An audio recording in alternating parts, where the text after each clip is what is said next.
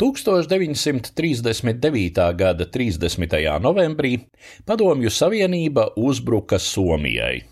Padomju spēku skaitliskais un bruņojuma pārsvars bija nospiedošs, un daļā somu sabiedrības izplatījās paniski noskaņojumi. Tomēr jau drīz izrādījās, ka sarkanā armija ir slikti sagatavota, jo sevišķi karam ziemas apstākļos.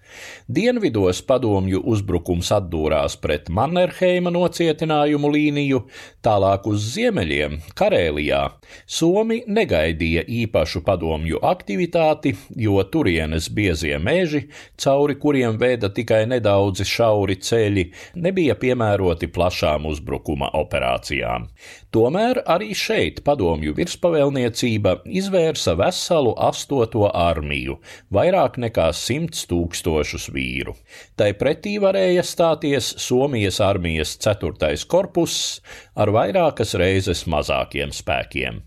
Tieši šeit Somi svinēja savu pirmo pārliecinošo uzvaru šai karā, kaujā pie Tolvajervi ezera 1939. gada 12. decembrī. Padomju spēku avangardā pa vienīgo ceļu, kas veda uz rietumiem, virzījās 139. strēlnieku divīzija, apmēram 20 tūkstoši vīru, kurus komandēja brigādes komandieris Nikolais Beļājevs.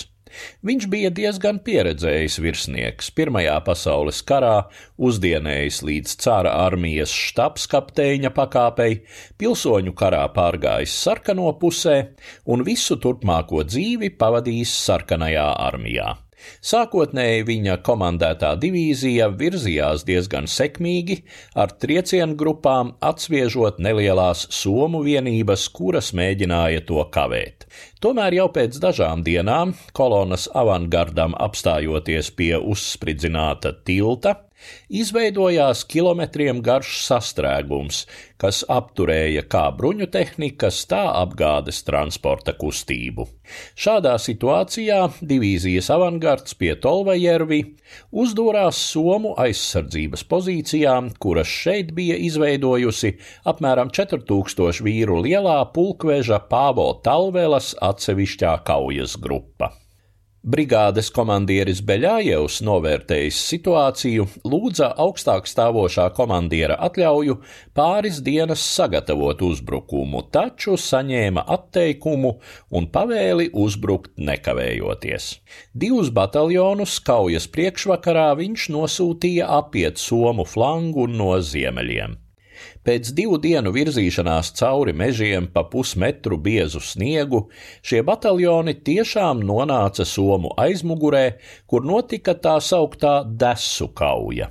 Sarkanarmiešu rokās krita vairākas kara lauka virtuves ar nu pat uzvārītu zupu ar desiņām, un viņi pārtrauca uzbrukumu, lai beidzot normāli pēstu. Tikām somu pulkvedis Āro Pajari savāca simts cilvēku komandu no artilēristiem, vezumniekiem un citām aizmugures vienībām, un pēkšņā nakts uzbrukumā izklīdināja skaitliski daudzkārt pārāko pretinieku. 12. decembrī sākās galvenais kaujas posms, pie kam uzbrukumā praktiski vienlaicīgi devās abas puses. Sarkanarmiešu skaitlisko pārsvaru nivelēja viņu vājās kaujas prasmes. Strēlnieki, bet jo sevišķi ložmetējnieki, šāva kur pagadās. Arī artilēristi vairāk tricināja gaisu, jo nebija izveidota uguns koriģēšanas sistēma. Tikām somu ložmetēji un lielgabali darbojās visai efektīvi. Padomju pulku štābi bija izvietojušies pārāk tuvu priekšējām pozīcijām, un vienā no tiem krita komandieris un vairums virsnieku, savukārt otru somi ieņēma, iegūstot visu dokumentāciju. Palikuši bez vadības, sarkano pulki panikā bēga, pametot tehniku, vezumus un savus ievainotos. Neko nelīdzēja arī 75. divīzijas nosūtīšana palīgā 139. jo bēgošo panika inficēja arī šos palīgspēkus. Rezultātā fronte vēlās atpakaļ teju vai līdz robežai, kur arī palika līdz kara beigām. Stāstīja Eduards Liniņš.